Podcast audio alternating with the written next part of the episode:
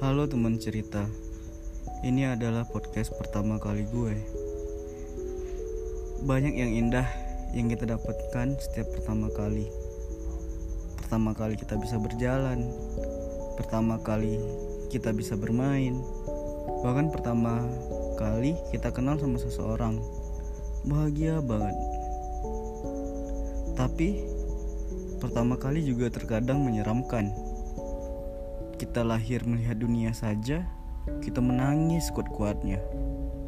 Pertama kali kita terjatuh di waktu belajar berjalan, atau pertama kali kehilangan. Hehe, semuanya karena pertama kali.